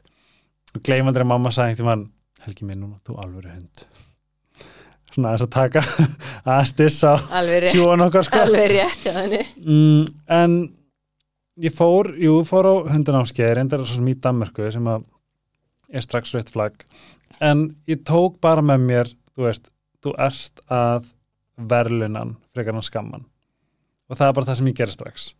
Og ég reyndar var hundaþjálunum mjög hérna, minnjum hafi verið mjög næs. Um, sagt að, að þess að þjálfan út frá að þú veist, hann var bara verðlunum, hann gerir þetta og eitthvað svona. Svo tók við bara eitthvað allt annað þú veist, svo var þetta bara, henni bara ég og hann og veginn við- og ég veit er algjörlega mjög næft að hugsa þetta, þú veist allir hundar virka eins. En ég einhvern veginn bara svona ég, ég, ég setti bara alla ástina mína sem ég átti á hann. Og enn og aftur, I know it, þetta er ekstra næft fyrir þig. En mér fannst það bara virka. Mér fannst það bara einhvern veginn hlusta og ég get alveg verið ákveðin í röddinni en ég hef aldrei einhvern veginn skammað hann. Ég get alveg, ég tek svona eh, stundum sem getur verið svolítið ofgælt inn og eitthvað. Það er bara svona tekið hér að því ég vissi að það var ekki von Mhm. til að segja bara stopp, skilju en ég fekk svo góðan hund. Hann er bara alltaf næs, alltaf glaður aldrei sínt aggressjón bara aldrei sínt þessu tenninar og ég bara svona skil í hvað ég er heppin hvað þýðir það? tókst mér að, tókst mér að að alin upp með þriðja augunu Kanski tókst þeirra. Það má vel vera. Og sko, málið er það er svo mismundi hvað hverju hundur þarf. ég veit Og það sem kannski virkar á nógu virkar kannski ekki á næsta við. einmitt, það er það Og, sem og það er alveg gerist oft, sko, hérna, að fólk sem er alveg búin að eiga fullt af hundum teka síðan að sér eitthvað hund og er bara, já, ég er búin að eiga svo marga hunda og svo teka sér hund og hann er bara allt, allt öðru sér karakter með allt öðru sér þarfir og fólk er bara, fokk, ég veit eitthvað hvað ég gera. Ég segi alltaf við alla vinkunum sem ég var börn bara, hann er hún svo æðist, bara, hann er bara besta börn heimi bara hvað, næsta verður monster Ég segi þetta alltaf. Oh dear, Eða bara fyrsta monster bara eitthvað á, splæstu bara í annað, það hlýtur að vera já, Hvernig hérna, þú veist ég er bara svo, ég er svo forvitin að heyra svona the dog. Hvað, hvað er svona í rauninni hver er þín fræði um nálguna hund? Þú veist, hvað er svona hvað, hvað, hvað er þetta, hvað er hver er þessi vera og hvað einhvern veginn hundurinn já, hvað, hvað Um. svona svona frá þínu perspektíf, hvað erum við að tala um? Sko, Ó, ég held að besta leiðin til þess að lýsa því er að segja hvað hundurinn er búin að kenna mér og gefa mér. Oh my god. Og það er náttúrulega rosalega marst en í hnótskurinn er gjöfin, gjöf hundana eins og ég upplifa er að hann er búin að kenna mér að standa með sjálfur mér. Hann er búin að kenna mér að vera sönn í því sem ég er að gera. Hann er búin að kenna mér að ég ber fulla ábyrð á öllu því sem ég er að gera. Og ég ber fulla ábyrð í hvernig mér líður. Og ég ber fulla ábyrð í hvað er að gerast í haustum á mér. Og ég ber fulla ábyrð á orkunum minni. Vá. af því hundar tala með orku. Mhm. og þeir eru búin að kenna mér og gefa mér þá gjöf að ég, og ég sé þetta oft fyrir mér eins og að ég sé tré.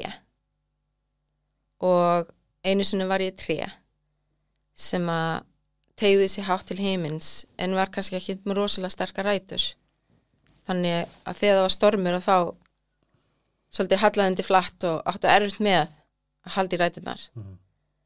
en það sem hundarnir hefði gefið mér er að þegar að vindurinn blæs það styrkast ræturnar Vá. og eins og vorum að tala um í byrjun að ég hef val um að koma heim til mín sjálfs. Og þegar ég fór virkilega inn í hundana og virkilega að pæla og virkilega að fara inn í hundaþjálfununa sem slíkt þá fór þetta að koma heim til mín sjálfs virkilega svona lenda vel. Og að því þeir eru myndbyrting af því hvaða er alltaf að vera þú sjálfur. Þeir kunna ekkert annað. Þeir eru það stanslust og þeir eru endalaus áminning um það. En það er hins vegar okkar val hvort þeir eru tilbúin að ganga stuði eða ekki. Það er annar mál. En hundin, þegar ég horf á hund þá horfi ég á það. Bara, ok, þú ert þarna.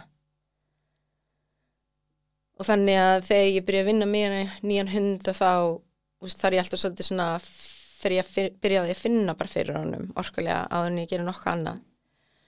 Þannig að hundarnir hafa gefið mér svo stóra gjöf. Hver einastu hundur sem er orðið minni vegi sem er núna á mínu vegi og sem munu verða á mínu vegi eru bara mínir eilíður kennarar. Vá, hvað er magna að hlusta og þannig að ég er svo þakklátt fyrir það. Og ég er svo þakklátt fyrir, fyrir þegar eigandurinn treystar mér fyrir hundana þeirra treystar mér fyrir verkefninu að hjálpa þeim með hundana sína. Og hérna að því ég veit hvað það skiptir miklu máli og ég veit hvað það getur verið mikið tókstreita og erfitt fyrir eigandan Mhm. að því ég er alveg búin að ganga það þrautagöngu sjálf með mínu hunda. Það gerur all mistökinn og hérna og ég held að sumir haldi ofta þú veist eins og þú sagðir, þú veist þú kemur, þú kemur í te og ég hann hægir sér að því, bara því ég er hundafjálari Já. en ekki gleyma að ég er líka manneskja sem er búin að ganga þrautagönguna Einmitt. með hundunum og ég skil eða ég er allan að vanda með það og reyn mitt best að ég vanda með það að muna hvað það var að vera þarna Mhm. að muna hvað er þannig ég leik, að, já, einmitt ég veist skil hvernig þessum eins, einstakleiki líður Mhm. þannig að og, og bara og horfa hundin og skilja hvernig hún líður Mhm. þannig að hundarnir hafa gefið mér rosalega sterkar gjafir þarna og endalust að banka á eins og því ég var ekki, far ekki námið og var að, þú veist, æfa með hundunum mínum Freyju og Kölu þá var alltaf, þú veist þau, dróu alltaf upp og yfirbúrið þar sem ég fast erfiðast. Og rosa hratt og rosa skýrt sem var náttúrulega bara stundum bara uh, hættu, Já. já, en ég vissi alltaf, ég þarf að ganga stuðistu samt Mhm. af því það er rosalega hróki ef ég ætla mér að vera hundaþjálfur ef ég ætla mér að vinna með það ef ég ætla mér að gera eitthvað úr því að fara inn í þetta með þann hróka að bara að ég sé bara með þetta. Einmitt. og að, að, hérna, að ég hef bara alltaf getað gert ósla vel. Það er svo mikið fucking bullshit. Að ég segi hvað ég er að hugsa sem er svolítið magna ég er satt fyrir gegnum bara svona mínu myrkastu tíma um, rauninni eftir að ég sækja hann. Ég flytt heim í september og hann kemur í november og ég hef oft svona spurt mig af hverju af hverju var hann ekki þú veist svona eins og maður sér kannski golden retriever að bara svona setjast niður og svona einmitt tengja við sitt hérna þriðja auga bara svona æjæ hvað, hvað ég líður illa. Ég hef alveg spurt mér svona af hverju hann hefur ekki gert það og núna er ég kannski áttum á því að í hvers skipti sem það var um, ó, um, sem að ég var bara sá ekkert ljós þá einhvern veginn í staðin fyrir að gera það sem að var og ég átti ekki að læra ég átti ekki að fá að ég auðmyggja þú. Af því þannig leiði mér, mér leiði eins og bara að gera fórtunambi uh, það var alltaf ok, nú fyrir út. Mm -hmm. þú veist, veist, Yep. og hann svona hann gerði það sem það, það sem ég tólkaði var kannski bara af hverju þetta ekki meiri samkend þá er rauninni allt sem ég lærði út úr þessa reynslu var sjálfsabirð mm -hmm. og all líf mitt snýst um sjálfsabirð og hann hefur ég upplifu svolítið eins og núna þegar þú ert að segja þetta. Já, hann vissi nákvæmlega hvað hann að gera akkurat. Hann var bara herðu, þú ert búin að vera upp í rúmi núna að líði illa, það er bara valið. Upp rúminu út að lappa, upp í skó. Og það er samkend í því? Af því það er það sem þú þurstir það er nákvæmlega það sem ég þurfti. Mhm. og bara, ég veit ekki hvort ég, ég, ég veit ángriðs ekki svona með hvernig, ef ég fyrir tilbaka hvernig mér leið ég veit ekkert hvort ég hefði verið ég veit ekki hvort ég hefði klárað skilur verkefnið ef hann hefði ekki reyðum upp okkur um einasta mótni Já. þú veist. Ég, undir engum kringastæðum hefði ég farið út að labba. Hvað þá mótnana mm -hmm. eða kvöldin? Ég er kannski að labba út í bíl. Þetta er það magnasta sem ég hef upplifað. Í alvegni Mhm. bara, ég er bara svona, ég get ekki ég get ekki sagt hvað hann veist, já, hann bara hann er bara allt fá hvað magna það, þú veist, ég var alltaf, ok, hann er kannski okkur kemur hann ekki og eitthvað leggst á mig eða eitthvað svona dæmi, eins og maður sé einhverjum vídjum neina það er bara ok, let's go. Út. Og hann er ekki eins og þannig, þú veist, hann er ekki svona æst típa þetta er bara svona þú veist, hann er, hann getur verið heima einn og hann er rosalega þægileg þarna. Mm -hmm. En á hverjum einasta mótni í bara í, í, í mesta myrkrunu það fór upp í öskili fokkt fyndi Mm -hmm. wow mind blowing hvað getur við lært af hundum? Oh my god, svo mikið. Sjálfsabyrð fyrst og fremst. Orðlífs mín sko. Mm Ah. og ábyrð á þínum ákvörðunum.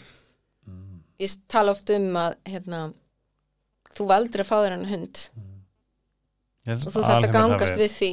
Það er erfitt að ala upp kvolp mm. alveg eins og er erfitt að vera með mannabann og að taka kvolp og vera með alveg upp er ágætis æfing fyrir bann ég mæli, mæli með því að byrja þar. Að ég segir, ég sá TikTok í fyrra dag, það var svo fyndið. Kona sem satt á maður dannar konu why don't you have children? Þá sagði hann, get svona chilluð kona because it's a waste of time and money og ég var eitthvað ah, what? Aldrei þetta já, hvað geta það kent okkur? Sko, var þetta ekki pott fyndið, þetta var ekki ég these are not my thoughts. Nei, þetta var fyndið. fólk getur verið fyrir tryggara nei, nei. nei, nei, nei, alls ekki. Uh, sko, það sem hundar hérna, geta kent okkur, vá. Allt. Það er svo margt. Uh, fyrir mig er það endalaust að minna okkur á að sita í hjartan okkar. Og að vera þar tengdur. Uh, af því þegar ég á orkulega samskiptu hund þá er alltaf ekki hann hjartastöðina mína fyrst. Og þar er heilmikið spjall sem á sér stað. Svo kemur allt eitt inn. Um, en hundar eru alltaf að minna okkur á statti fætunar hlustaði á hvað þú og ég raunverður þarft Mm. þetta ábyrði því sem þú ert búin að velja að gera see it through Einmitt. og staðfesta á eftirfylgni Ú, sem er. þegar verður að vera staðfesta og eftirfylgni er risastórt ingredient í hundathjálun að því til þess að hundurinn læri og hann skilji að þú ert í rauninni vendarinn hans, leiðtóin hans að þú ert, þú ert the pack member þá þarftu Verndar, eitthvað er gott Já. orð. það þarft að sína staðfyrst og eftirfylgni í allir því sem þú byrjum um að gera en við þurfum að vera sangjöld Mm. og við þurfum að vera raunsæ og við þurfum að hlusta á hundin og lesa hann fyrir hvern dag af því þau eiga sína dag eins og við Mm. og ég segi stundum við fólk að því við erum oft með svo bara bila kröfur á hundan okkar Mm. Og bara hann á bara að geta leikið við alla hann vera bara vinulegur og ógeðslega hlýðin og vera góður og alla hunda og allt fólk og bla bla bla bla alls konar og er- þeir hundar eru alveg til sem eru bara náttúrulega þar Mhm. en þeir eru ekki alls, alls ekki allir þar og hérna og ég segi oft bara ok hérna ég ætla að segja, ég ætla að gefa þér heimaverkefni með sömu kröfu og þú situr á hundin Mhm. Þannig að núna, næstu vikuna þá þú fara á hverjum einasta degi upp í kringlu standi í hurðagættinni í þrjá tíma og knúsa og kissa allar sem labba þar inn og út. Það er þitt heimaverkefni. Einmitt. þetta er krafan sem við sittum með hundan okkar. Þú átt bara að geta þetta hundur. Þú ert hundur, er, það ekki happy go lucky? Þannig að oft er svo, það er svo algengt að það skapist vandamál út af tvennum ástæðum. Það er við miskilum hundan okkar Mhm. og við manngerum þá Einmitt. við gleymum því að þetta eru aðra verur sem að skinja heiminn í gerum orku fyrst og líkamstjáningu tvö Og tóni rödd. Já, það, það svona kemur bara inn, já, og, en tóni rödd er líka orku, orku, Já. fyrir nef- Tíðni. orkutíðni, já. Og þetta er, þú veist, og stundum, þú veist, að því það er ekkit allir tilbúinir í svona eitthvað orkutal Nei. þegar ég er að tala um hunda eða þegar ég er með námskek og þá segi ég bara, ok, þetta er í rauninni rosalega einfalt. Orka er bara basic vísindi. Algjörlega. Þetta er basic efnafræði. Mhm. Þú veist, Albert Einstein talaði með þetta mjög mikið. Tíðinni líka og setja hvað sem er undir svona mikroskóp. Er bara tíðni. og það er það sem hundurinn er stanslaust að nema stanslaust, það stoppar aldrei og þeir eru alveg há fín stiltir inn í að nema þetta ég meina okkur heldur að það eru til hundar sem að eru svona PTSD hundar sem er að hjálpa fólki í gegnum svona áfællastið röskun Mm. Einmitt. okkur heldur að setja hundar sem að hérna geta hnusa upp krabba mín Einmitt. okkur heldur að setja hundar sem geta Og flóg. eða láti svona- vita að er að koma flók Já. eða bara láti vita að þú ert að fara í þú veist, PTSD að kast nú þarfst þú bara að setjast niður hvar eru lifin þín, þú veist bara, nú þarfst þú að ringja mömmina, nú þarfst þú að ringja í emergency contact þegar þið líður illa, það er eitthvað að fara að koma sem þú ræður ekki við. Það þeir er nema rétt, þetta. Þeir nema þetta. þeir nema þetta í gegnum þessa orku og svo nefin alltaf af því við gefum frá okkur alls konar efni Mhm. í gegnum hormonabreitingar og annað bara efnakvörfur heila þú veist, þau eru, þú veist, kortisólag og þeir finna lyktina á þessu öllu. Þú veist, þeir eru bara með efna vesmiðu í nefinu. Ég segi stundum þú veist, hundar eru bara svona master efnafræðingar í nefinu. Ángríns. ángríns, það er alveg. Ég Ég meina, vil líka lesa, þú veist, við erum með 80 þá er þeim með 3000 eða eitthvað svona bull. eh, ég held sé uh, ég held að hvað voru við, hvað, ég var um þetta listan ég glemur sér, þeir eru með sko eitthvað, hvað var það? 200.000, Já. eitthvað svona eitthvað styrlu tala og við erum eitthvað bara. Hey, ég fá send, eitthvað, þú veist, þú veist hvað það var. Uh, þannig að þú veist, maður sé ma, nefið mikið í þjálfin Mhm. af því nefið stýrir svo stórum part heilans. Þannig að við náum nefinu í lið og náum þessum, þessara forvinningi nefið að það hjálpar okkur þegar við erum að takast á við til dæmis erfiða hegðun og erfið hegðun minnstu sem hefur fengið að, að festast svolítið og við þurfum að breyta þannig að, eða svona já, breyta þeim. Langar ekki bara bú einhverjum sveit með bara búgarð og, og 17 hundum ó já, 50 hundum mér langar sko, ég á stóran draum. Ú, ú. Ég er búin að hugsa á ég þarf að segja. Já, Uh, já, draum. Það sem ég langar að gera hér á Íslandi er að opna svona svona einhvers konar miðstöð sem að um, þjóna þeim tilgangi að náttúrulega já, þjálfa og halda áfram með það sem ég er nú þegar að gera. En líka að taka inn þessa hunda sem að er annars lóað út af hegðunumvandamálum eða bitvandamálum og annars slíkt. Einmitt. taka inn þessa hunda sem að uh, enginn uh, ræður við og vinna með þá meta þá og annarkort finna rétta heimilið, réttu eigandana og samt þannig að eigandinn samt fær kennslu. Hann lærir á þennan tiltekna hund lærir á ábyrðina uh, þannig að, að gefa öllum hundum sjanist, þannig að þú veist eins og ef ykkur fyrir með hundi dýrlæns á lóunum að þá bara dýrlæn tekið við hundinum og svo bara ringti mig og ég sæki Vá. bara hundin ég ætla að vona yfir ríkur bara svo getið fjármagna þetta. Nákvæmlega, ég enda að hugsa, þetta mun kræfast svo mikla fjármagnar og styrkja og annað að því ég þarf gott húsnæði til þess að hafa góðan stað fyrir þess að hunda. Og ef, ef að drau- draumurum verður að raunuleika og ef að, þú veist, þetta fær svolítið að velta, veist, velta og verða fallegt blóm að þá, hérna, þarf ég hjálp. Ég er bara ein manneska já, og ég get bara svo, svo mikið. Þannig ég mun þurfa hjálp og mun þurfa góða þjálfara. já, ég hef stundum spurt mér sko bara svona helgi ertu vissum að lífi þetta ekki að snúast um hunda það ég Já.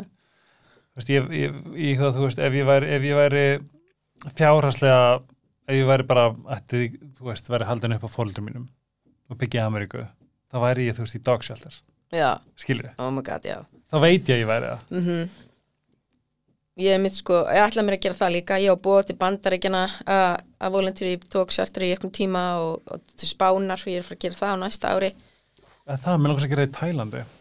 og, og það verður svolítið brútal sko. Ég veit að það er að versta, sko. Ég, sko, mín tilgangur með því er að fyllilega skilja raunhundana með okkar mönnunum, sjá alla hliðinar og að takast á við þannig erfiða part í lífi hundana. En maður sér þá líka ljótleikan sem við menninir hérna bjóðum hundunum upp á þannig að maður þarf alltaf að vera tilbúin í það og það Ja. verður erfitt sko. Það er nefnilega það sem er mest skeri að spá í, bara eitthvað, Mhm. að já, þetta er ekki allt bara blómregnbar og Mjög langt frá því, bara langt frá því og hægt er sko. Nína mesta ánægja lífsmíns að það hefur komið. Sem við leiðis að vera hér. ekki nóg með það að þú ert hundaþjálfari þá ertu líka bara þú miðlar svo mörgu öðru sem við hinn getum tekið til okkar og lært að skilja betur Takk en fyrir. oh my god, ef að einhver ég ætla að vona það eigi bara sem flest hunda hvernig getur fólk nálgast þig? Herði, hundaþjálfun Nínu.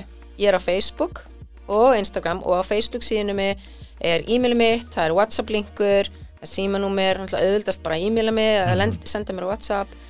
Uh, bara senda mér skilabóð og bara hefja þetta samtal. Það er í rauninu bara súper, súper, súper einfalt. Hundaþjálfun Nínu Hundaþjálfun Nínu. þakk sé eiga að steppa þá er ekki erfitt að uh, muna þetta nafn ekki, uh, jú ekki erfitt að muna þetta nafn núna ertu hjá mig Nína Já.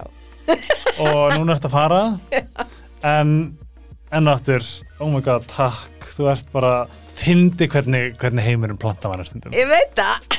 Og sérstaklega ég er búin að vera gæli og það hugmynd að vera með hundapodcast og tala um hunda Þá- og educata fólk. Já. og svo bara rekst ég á þig og þú bara, hei, þetta er mér komað með podcast. Ég er bara, oh my god, ég er búin að hugsa. Manifest virka, yes, nákvæmlega. Þegar það. kemur frá hjartanu, það virkar alltaf. 100% og þegar, þú ert, þegar tíðnin matchar það sem Akkurat. þú ert að byggja um Mhm. þá getur þú fengið og þú ert tilbúin að gangast fyllilega við því, þá gerist það nákvæmlega, Mm. oh my god Nennu að koma aftur uh, hell yeah, Well, let's do it. let's, do it book it. yes, Sítokær, afslagkóði, helgarspjalli, Dr. Teals, Neutral Ice Herbs, Love You Muni, að með því að styrkja þau, eða með því að vesla þeim er það að styrkja mig til að halda þessu áfram og það er mjög fallega gert. Þið getur notið góðsaf í baði, inn á baðherbyggi, í þóttáðsunu eða bara hvað sem er með vítamín ykkar. Ína, takk fyrir mig. takk fyrir mig stórkostleg og bara ef þeir hunda beinustu leið til Nína